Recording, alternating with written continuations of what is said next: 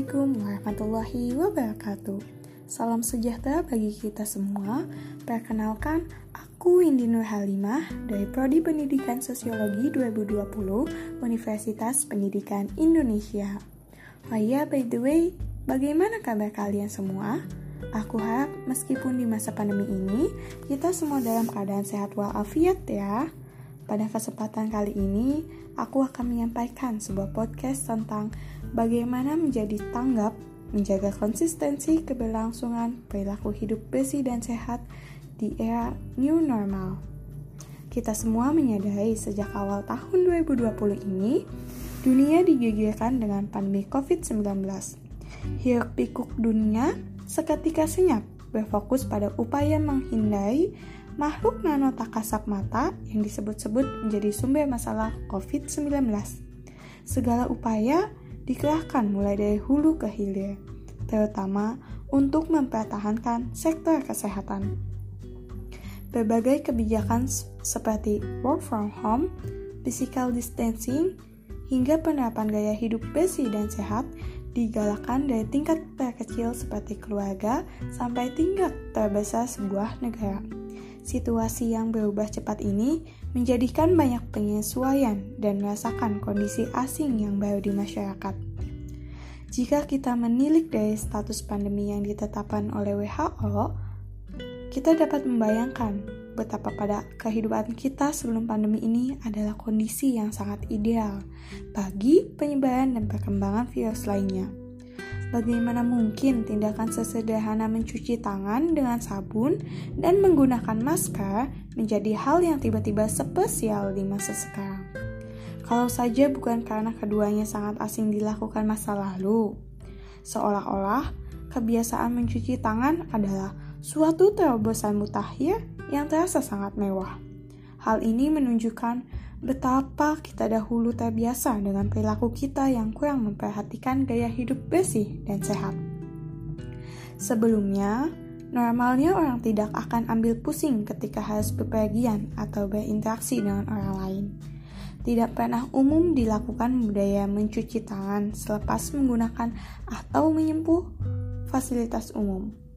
Terasa asing melakukan etika batuk dan bersin yang benar. Bahkan, terkesan berlebihan apabila harus menggunakan masker di tempat-tempat umum. Tapi bisa kita lihat sekarang, dari tukang sapu, tukang beca, pedagang asongan, sampai para pejabat negara tanpa kecuali ramai-ramai mengkampanyekan perilaku hidup bersih dan sehat. Fenomena pandemi ini tentunya mengungkap sisi terang pandemi COVID-19 bahwa masyarakat secara paksa terdidik untuk menerapkan gaya hidup sehat dan gaya hidup bersih. Seperti memasak makanan sendiri menjadi lumrah, menggunakan masker menjadi umum, mencuci tangan sebelum makan menjadi kebiasaan, dan sebagainya. Orang menjadi lebih sadar untuk menjaga makanan dan menilai jenis makanan yang baik bagi kesehatan tubuh. Kita bahkan secara sukarela menerapkan gaya hidup sehat dengan rutin berolahraga dan beristirahat cukup demi meningkatkan sistem pertahanan tubuh alami. Seolah-olah dengan adanya pandemi ini, masyarakat justru menjadi lebih mawas dengan istilah-istilah kesehatan yang sebelumnya sering kali terabaikan, dianggap remeh, atau justru menjadi kebencian. Semua orang berharap pandemi ini akan berakhir. Orang sudah mulai jenuh dengan berdiam diri di rumah dan mencari-cari alternatif aktivitas sehingga semuanya kembali normal. Permasalahannya bahwa kita perlu mendefinisikan normal yang baru. Ketika pandemi berakhir nanti, bukan berarti kita dapat kembali ke pola kehidupan kita yang dulu Apakah tidak mubazir menyanyiakan kebiasaan bagus yang sudah terlanjur terbentuk selama masa pandemi ini? Apabila pandemi berakhir, perlu diketahui bahwa virus-virus penyakit COVID-19 tidak berarti lenyap dari muka bumi. Justru akan timbul ketidakseimbangan alam semesta apabila virus dan bakteri lenyap dari muka bumi, karena Toh setiap makhluk di muka bumi pasti memiliki perannya sendiri dalam menjaga dinamisme harmoni kehidupan. Pada dasarnya, bakteri dan virus, materi-materi mikron dan nano tak kasat mata tersebut sudah ada sejak dulu kala. Hanya karena ukurannya yang super kecil dan tidak tampak oleh penglihatan manusia, bukan berarti lantas tidak ada. Oleh karenanya, kita perlu menyadari bahwa kita tidak pernah aman dari risiko paparan infeksi virus maupun bakteri selama kita masih sama-sama hidup berdampingan di alam jagat raya muka bumi ini. Untuk menjaga kehidupan manusia agar tetap lestari, maka tentunya tidak ada salahnya dan memang alangkah baiknya jika di kondisi new normal yang sekarang ini berlangsung tetap dijalankan dan dibentuk menjadi kebiasaan.